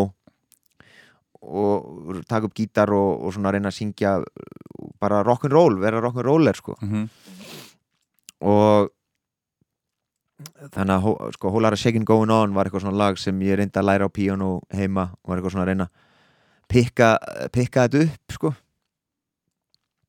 Þannig Náður því? Já, eitthvað svona aðeins, þú veist. Uh, svona vissi hvað þetta var á píanónu en uh, fingraæfingar þurfti maður svona aðeins að, að finna út sko. Uh, en já, já, maður sen svona einhvern veginn á maður aðeins að pikka þetta upp og hvað sem þú spilaði þetta í, í bóðum heima þegar mappa voru með bóð og svona. Og en sé voru fleiri, þú veist, eins og bara ég heyri Pavarotti til dæmis, það langar með að vera óperusöngvari, þú veist, það kom eitthvað þannig tímabil hjá mér og síðan Uh, þú veist, með allt þetta gamla 50s rockar sem við vorum að tala um, þú veist, og síðan kom bara 90s og þá kom Nirvana og allt það. Þá tókstu upp gítarinn. Já, þá svona fór maður meira að pæla í gítanum sko. Og, og, og vilja verið hljómsveit. Já. þú veist 91, 92 og hvað hétt fyrsta hljómsdegin? fyrsta hljómsveitin hétt fyrsta hljómsveitin sem ég var í var svona reif tónlistar uh, hljómsveit sem hétt Impulse. Já. og, og það var ég, Börkur Sigþórsson kvikmyndi gera maður og Aron uh, strákur sem var, uh, var vinnur okkar úr breiðoltinu en síðan stutt eftir það, það flosnaði upp mjög, mjög snemma. Og þá stafni ég, Börkur, Ívar og Sigþór uh, band sem hétt Diana's Defloration og það var svona þá vorum við komin í að hlusta á Dors mikið Já, já. og, og komnir í allt það sko, þá gerum við svona Dorslegt band já, já, já og, og, Eftir að myndi kom út og- Já, já, og eftir að svo kom út og allt þetta. já, já. og, og við vorum líka mikið að hlusta á James Addiction Já. Allt það stöf og það, kom nafni líka. Við hafa svolítið eins og James Addiction nafn á kom börkum með, hvað með Diana's Defloration? Alveg, ok, af megin díinu alright uh, þannig að já, það var svona með fyrstu ljónstunum Já, það heldur fyndið sko. Einmitt. Og Hvernig verður mínus til? nafnið þá, Nei, bara bandið. Bandið uh, Þið komið svona, þú veist úr sömu en samt allir úr sikur áttin Já, við vorum sem sagt bara ég bjó á Seldarnanesinu á þessum tíma uh, þegar ég var svona að fara að vera í hljómsveitum. Mm. kynntist Ívari bassaleikara, fyrsta bassaleikara mínus og, og svona Sigþór gammal vinnu minn eh, bestu vinnu minn á þeim tíma og er ennþá góð vinnu minn í dag. Og og hérna við ákveðum að stofna hljónsett með Berki, hann að Diana Stifloration og allt svona og sen bara uh, þróust við í alls konar hljónsettir og vorum alltaf í bílskotni og ég var í og síðan kom Deftones og, svona hardcoreið og, og, og allt það inn mikið, korn og allt þetta. Og við vildum svona veist, vorum búin að vera í hljónsett með ungblóð og það var svolítið svona eins og Unsane svona noise rock, svolítið svona sá stíl, það er svona þú veist uh, já, svona, svona skítut skate rock og við vildum fara að gera svona meira Deftones eitthvað. Dót, Adrenalin Já. já. akkurat og við, það var engin annar að spila að hlusta svona tónlist en við, þá sáum við að það var hljómsið mitt Spitsign sem var að spila svona tónlist. Og þeir voru að taka þátt í músutölunum þessum tíma. Mhm. og við ákveðum að kíkja á uh, úrslutakvöldi þar sem þeir voru að spila í tónabæ. Við mættum hana bara og sáum það að spila og bara kom eftir giggið og kom til þeirra og kynntum okkur, ég, Frosti Logarsson og, og Ívar og, og hérna sem, hæ, herðu, við erum hérna að hlusta líka á Deftones og þessa tónlist sem enginn veit af hérna á þessu landi. Þú veist, þetta, vorum, þetta var mjög ferst á þessum tíma. Og fengum símanúmer hjá, hjá henni Bjarna. Þeir byggu allir í Mosó Já. spitsanstrákanir og hérna og við daginn eftir, eða nokkur kannski viku eftir, þá bara herru ringjum í þá og þá var bara ringt er Bjarni heima? Og það var bara já, og þetta er hann, við erum hann strákan sem hittu á músutölunum, ekki að hittast eitthvað fara hann að og chilla og sjá hvað getum gert, þú veist, bara hanga saman að þau erum í, við fílum sögum músíkina. Já. Og sóttust bara eftir fólkinu sem var að hlusta sögum músíkina. Já, já. það, þetta, þetta var þetta að leggja á þig, skilur við á Mhm. þessum tíma. Þú veist, þú veist að panta plötu og utan og býði þrjár vikur, sem fegst henni í hendunar og svona horfður bara á coverið og hlustaður á plötuna alveg út og inn, jafnvel þótt að platan var ekki nógu góð, þá varst að reyna fíluna þú veist búin að eða peningum í hana. Og býða Já, og býða og hérna og við byrjum að deila æfingúsnaði saman, Spitstein og Ungblóð. Og síðan vorum við svona, herri djöðu, við okkur langur við svona fara að spila meira svona meira hardcore tónlist sem var miklu harðar en korn og svona, þú veist, hún konur meira að hlusta á uh, bönd frá Svíþjóð eins og Breach og, þú veist, bönd frá Bandaríkanum eins og Brutal Truth og þú veist, Earth Crisis og allt þetta kom svona svaka bylgja af, af svona hardcore með metal áhrifum. Elskum við það. þú veist, allt frá Victory Records og eitthvað svona og við vildum gera þannig band. Og þá ákveðið bara að setja sama band og, og hérna og það bara eitthvað gerðist eitthvað. Ég hætti að spila, ég var á trommur uh, í Ungblóð, þannig að ég fór bara af trommusettinu Bjössi fór á trommusettið, ég tók í mækin. Fyrst var ég eitthvað gítar en síðan, að ég nenni ekki að vera gítar Frosti var að hérna, fór bara, var á gítanum og ég fór bara að syngja og þá allt inni bara var þessi hljómsveit til. Við vorum ekki konum með nafnið þá við köllum eitthvað ég man ekki hvað nafnið var Mongóli Tans eða eitthvað fárlega lélegt og asnalegt. Uh, en síðan vorum við í partí hjá honum Akka sem uh, er lætt svona highway úr Klink. Já. og hann var búinn að taka minni, mannst ekki eftir kekskökunum með svona bókstafir? Það voru svona bókstafir og svona keks. Já. og hann var búinn að raða einhvernum svona nöfnum og tók polaroidmyndir af nöfnunum með keksinu svona, raða upp keks bókstöfunum og tók mynd af polaroid og leta á e, ískapin hjá sér. Og það var nokkuð bönd, þeir voru inn að finna band, nafn fyrir Bísund og þeir fundu þá nafni Bísund og við sáum mínus sem Maggi var, var að pæli að kalla eitthvað, nafn, e- eitthvað band. Og ég og Frosti bara, wow, cool nafn og hljómsveit. Mínus var, var fullkomið fyrir þetta band Já. sem voru reyðir ungir menn. Já. og móti öllu, hötuðum allt og vildum bara rífa kjaft og bara gera allt þá Sem þið gerðuð. Sem við gerðum.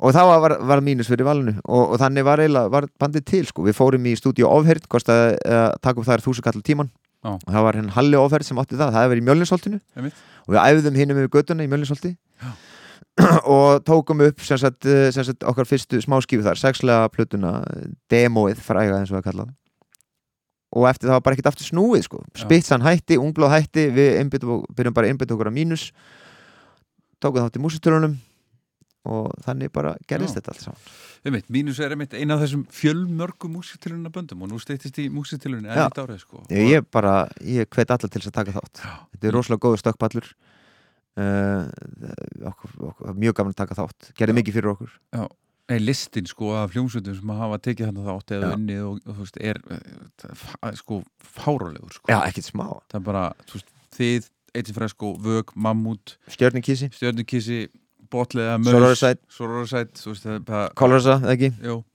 Já, Maus og Botlega já. Þetta er alveg Eh, ótrúlegur Þetta er, er svakalegu listi. Já, og það er gaman að vera á þessum lista. Algjörlega. En, Hóláttu Sikin ætluðu við að spila? Já, herðu, Jerry Lewis. Hólara seging gone on Ég veit að náttúrulega margir finnu Hann náttúrulega var svolítið vama samur einstaklingur hann Jerry Lewis en þú veist, hann var náttúrulega snar bilaður sko. Uh, en uh, hérna en ég, ég get ekki annað en viðkjent að, að það var ha- hans tónlist sem hafði mikil áhrif á mig að, vilja að spila, að byrja að spila píano og, syngja og, og pikka upp lög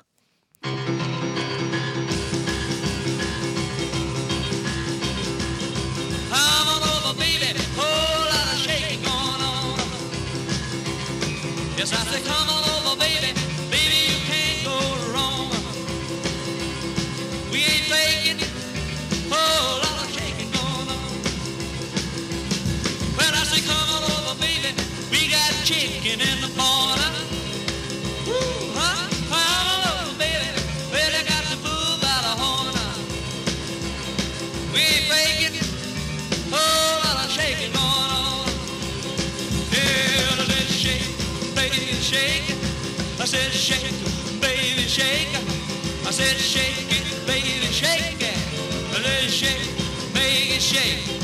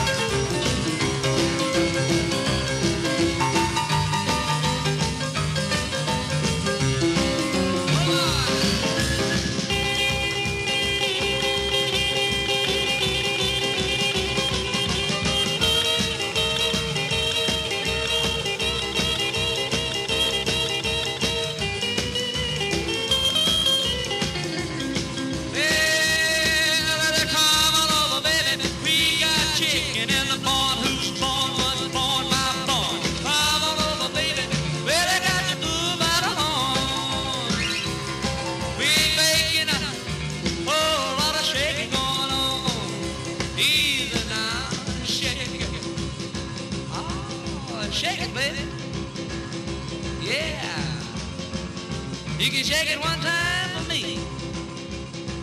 You has to come over, baby. Well, I'll shake it going. Now let's get real low one time now. Shake, baby, shake. All you gotta do, honey, is kind of stand in one spot. Wiggle around just a little bit. And that's when you got it. Yeah.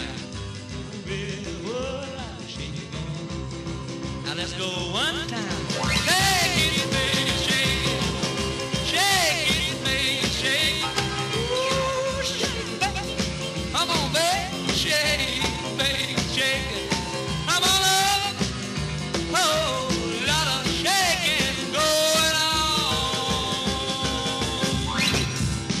on. Hóláttu Sikin, Going On, Jerry Lee Lewis Þetta er svona eins og svona tekja sílindra mótor Já. allægi sko. Bara svona eins og gömlu 50 spílanir voru Já. búinir til bara, Já, eh, stöðarnir voru bara úr, úr þungu játni sko. nákvæmlega Herru uppáhalds íslenska lagið þitt Já, það eru nú Það er mörg heims, heimskuleg spurning sko. Það eru m- svo mörg góð íslensk lög Já, og eh, frá, mörg frábær dægulög um, ég meina, ég, ég get nefnt veist, Vetrasól, eitt af fallegustu lögum allra tíma eftir Gunnar Þórðar. Mm uh, pappi flutti það lag uh, mjög fallega. Uh, en sinn er ég búin að vera að hlusta svo mikið á, á Sigfús Haldursson syngur sinn einn lög. Já. þetta er vínilplata sem ég búin að vera eigu minni lengi. Og þetta lag náttúrulega litla flugan. Er, er, er, er eitthvað svo frábært og dásamlegt lag. -hmm.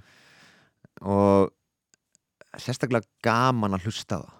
Mm ég veit ekki, það er bara uh, einhvern veginn maður bara brosa vör þegar maður hlustar á þetta lag. Og hann var svo hérna, mikil snillingur hann Sigfús.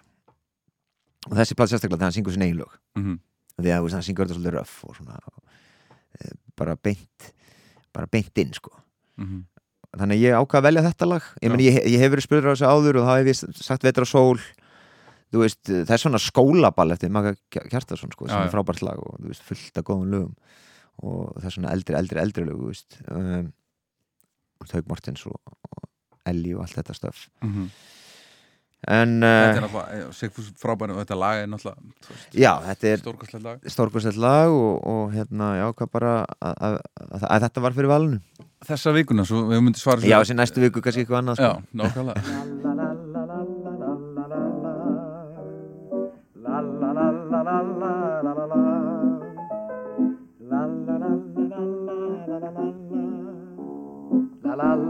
Lækur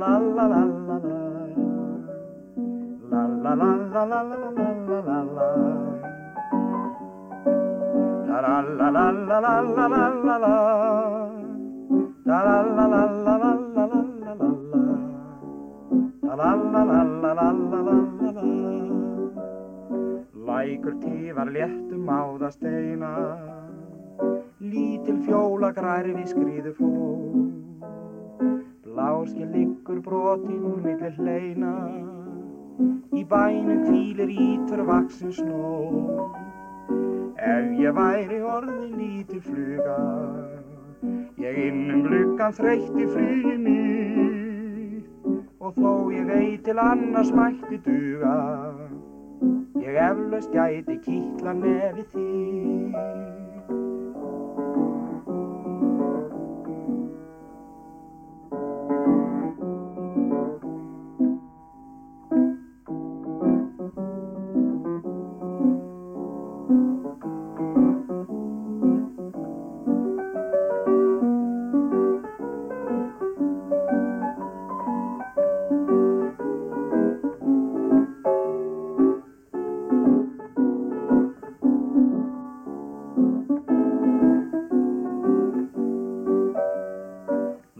tífa léttum áða steina Lítil fjóla grærfi skrýðu fló Bláski liggur brotin millir hleina. Í bænum hvílir ítur vaksin snót Ef ég væri orðin lítil fluga Ég innum gluggan þreytti flugi mitt. Og þó ég veit til annars mætti duga eflaust gæti kýtla nefi því. Ég eflaust gæti kýtla nefi því.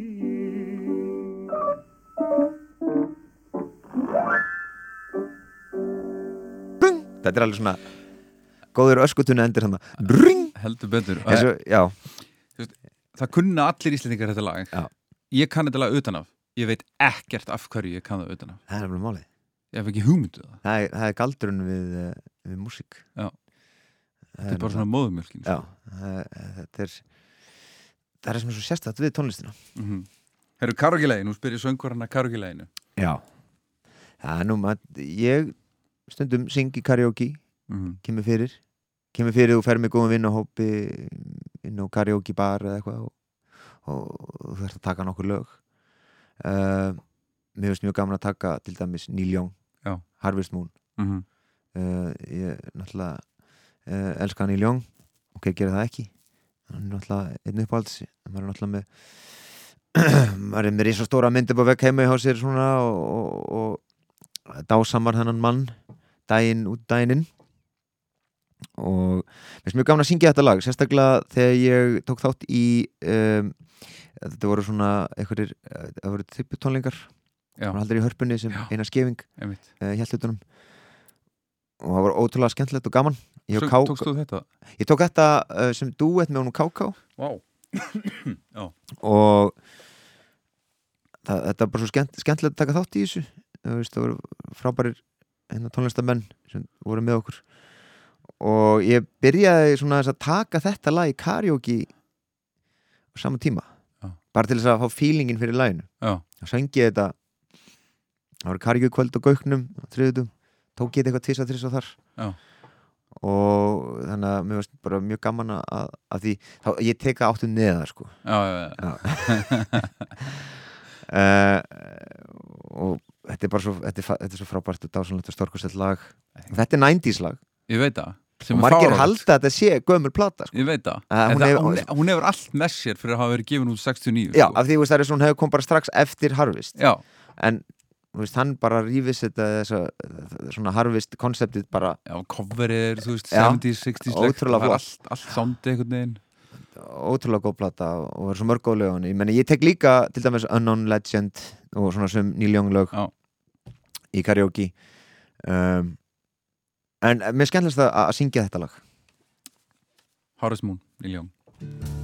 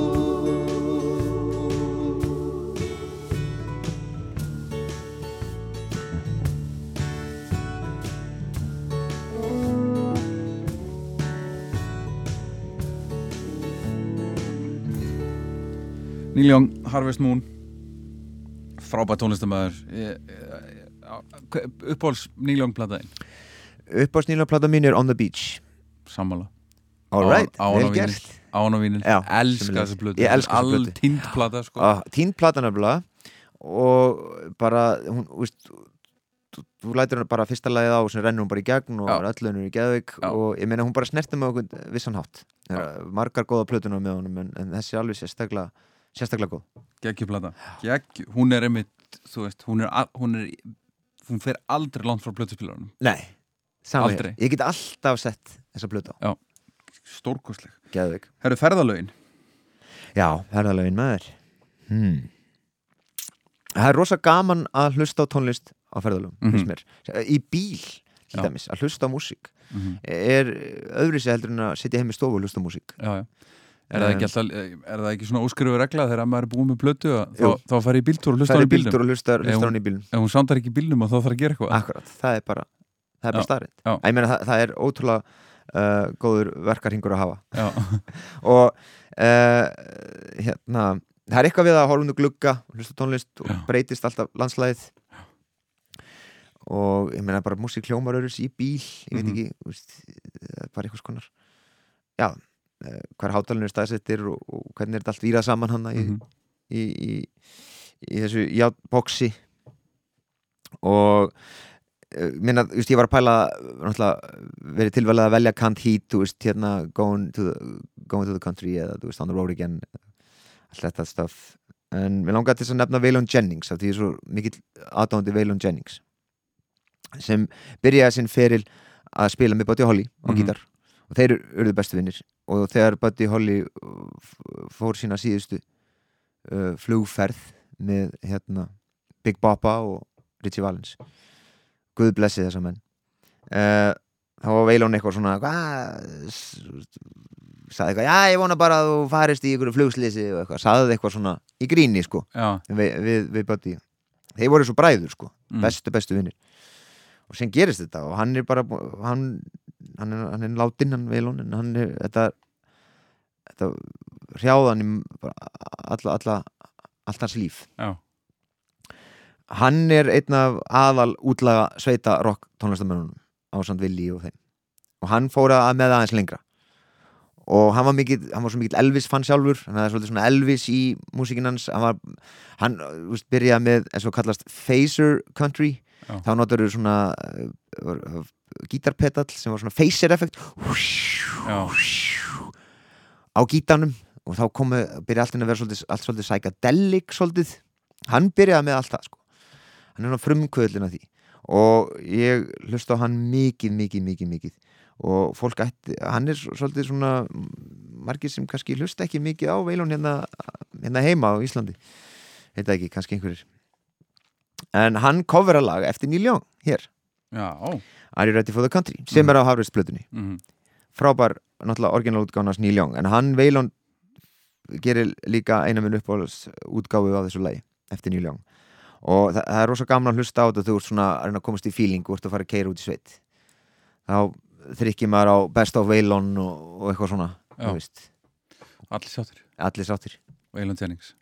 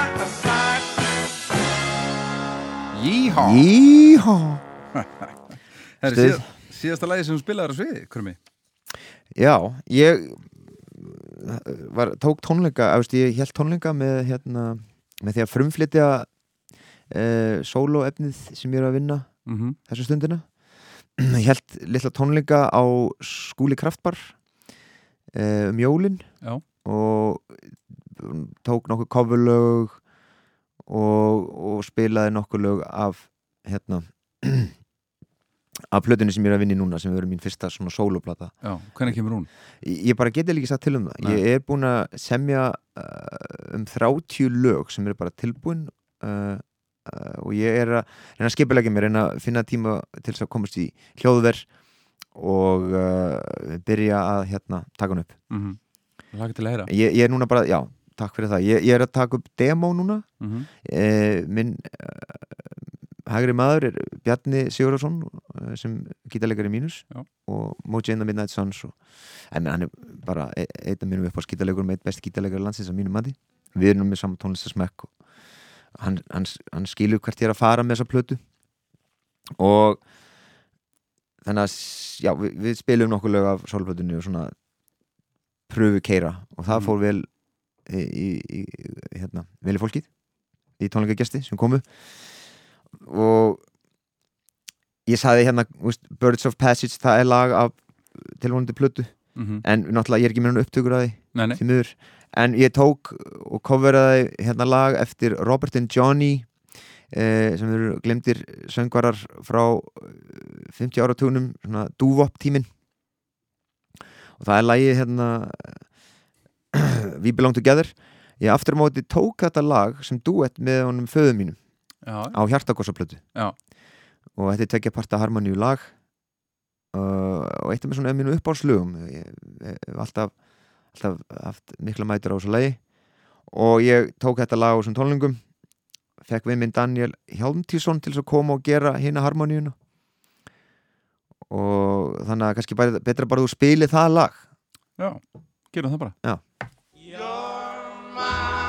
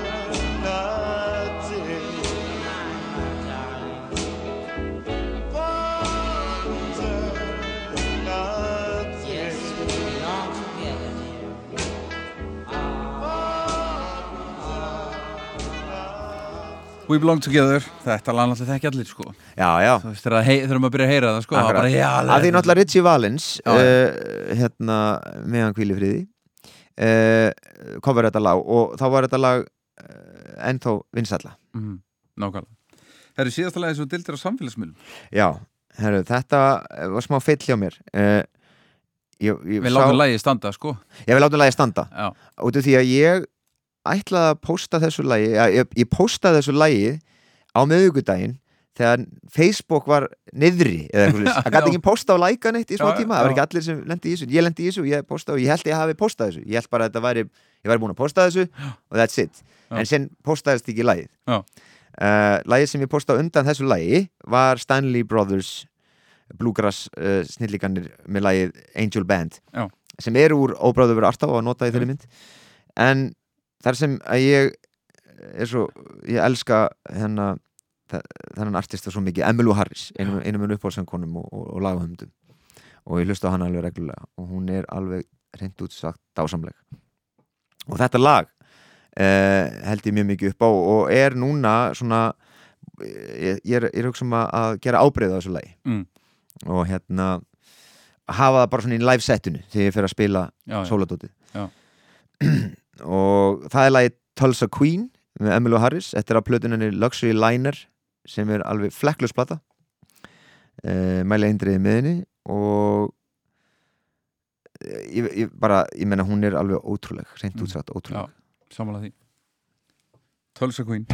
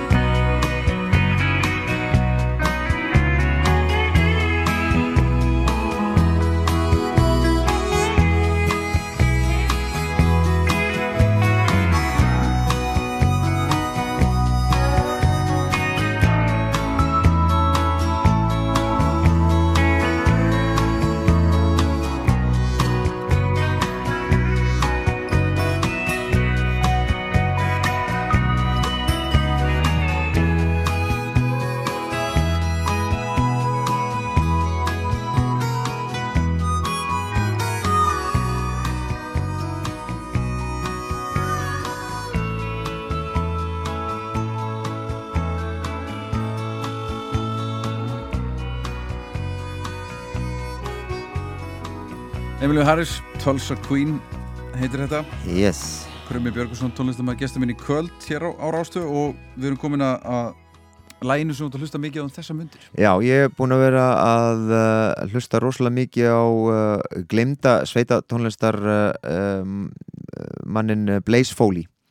Hann samdi If I Could Fly sem Merle Haggard uh, coverið og var uh, huge hit uh, hérna fullt af lögum sem hann samdi sem margir viti ekki að hann samdi en hefða verið flutt af frægum uh, tónlistamönnum uh, Það er nýkomin út mynd sem Ethan Hawke gerði um Blaze Foley að það nátti mjög sorglega æfi og hann var uppi á uh, 80 og 90 áratunum og hérna ég meila endrið, endrið með þessu bíómynd, hún heitir Blaze og það er bók sem fyrirhundi konans skrifaði.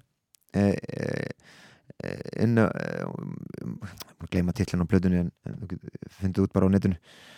Og hann er alveg glemdur og ég hlusta rosalega mikið á hann þessa dagana. Mm. Blaze Foley eh, það eru til bara eh, margar live upptökur en ein plata sem er stúdíupptökur sem hann ekki nú ánað með og það verður aldrei gefið út. Þannig að mjög erfitt að finna efni með honum en það er að endur út gefa allt þetta stöf og þetta er lagi Clay Pigeons sem var coverað af mörgum frægum og er út sagt algjör snilt not there.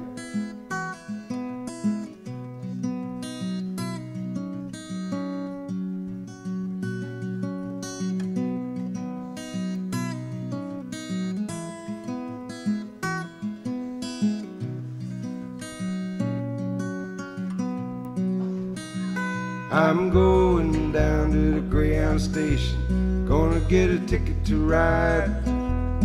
Gonna find that lady with two or three kids and sit down by her side. Ride till the sun comes up and down around me about two or three times. Smoking cigarettes in the last seat. Try to hide my sorrow from the people I meet and get along with it all. Go down what people say, oh. Sing a song with a friend. Change the shape of the man. And get back in the game. Start playing again. I'd like to stay, but I might have to go to start over again. Might go back down to Texas. I might go to somewhere I never been and get up in the morning, go out at night, and I won't have to go home. Get used to being alone. Change the words to the song. Start singing again.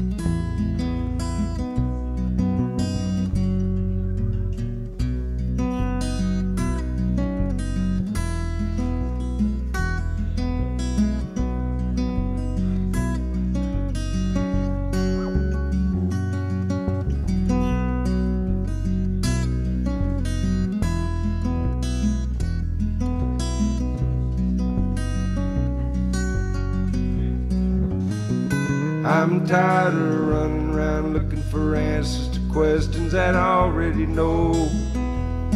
I could build me a castle of memories just to have somewhere to go. Count the days and the nights that it takes to get back in the saddle again.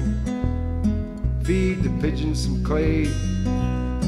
Turn the night into day. Start talking again when I know what to say. I'm going down to the Greyhound station. Gonna get a ticket to ride. Gonna find that lady with two or three kids and sit down by her side. Ride till the sun comes up and down around me about two or three times. Smoking cigarettes in the last seat. Try to hide my sorrow from the people I meet and get along with it all. Go down what people say, oh. Feed the pigeons some clay. Turn the night into day. Start talking again when I know what to say.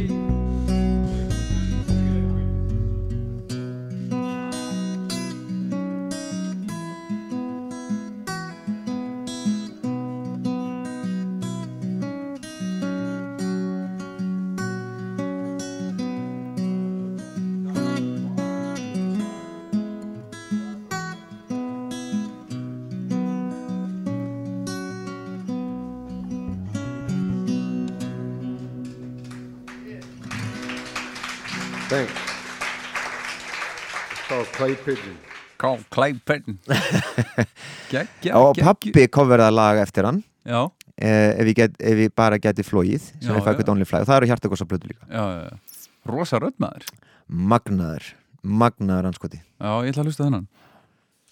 Blaze Foley. Blaze Foley maður. Algjörlega. Herru, síðust tónleika sem þú fórst á? Já, ég, síðust tónleika sem ég fór á voru uh, strákanir Lights on the Highway. Þeir heldur tónleika í- á Hard Rock um daginn. Og hérna gerði mig ferð á tónleika þeirra. Frábæð hljómsveit maður. Frábæð ljónsett í alla staði. Uh, og hérna já það er náttúrulega bara lægið Paperboat sko, Já. uh, það sem ég man svona mest eftir af, tónleikunum og það er náttúrulega alveg frábært lag besta lagið þeirra að mínum mati. Og hérna og, og skemmti mér bara konunglega á þeim tónleikum. Þeir gerðu þetta bara mjög vel, strákanir Strákarnir? Já, strákanir maður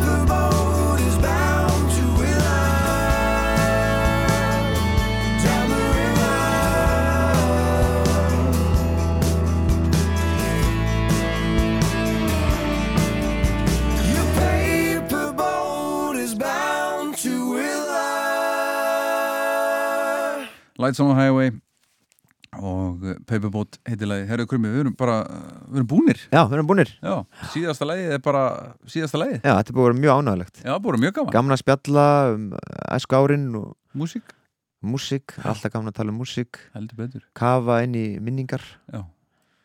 Mjög skemmtilegt. Algjörlega. Takk, Takk hérlega fyrir. að bara bjóða mér. Takk fyrir að koma.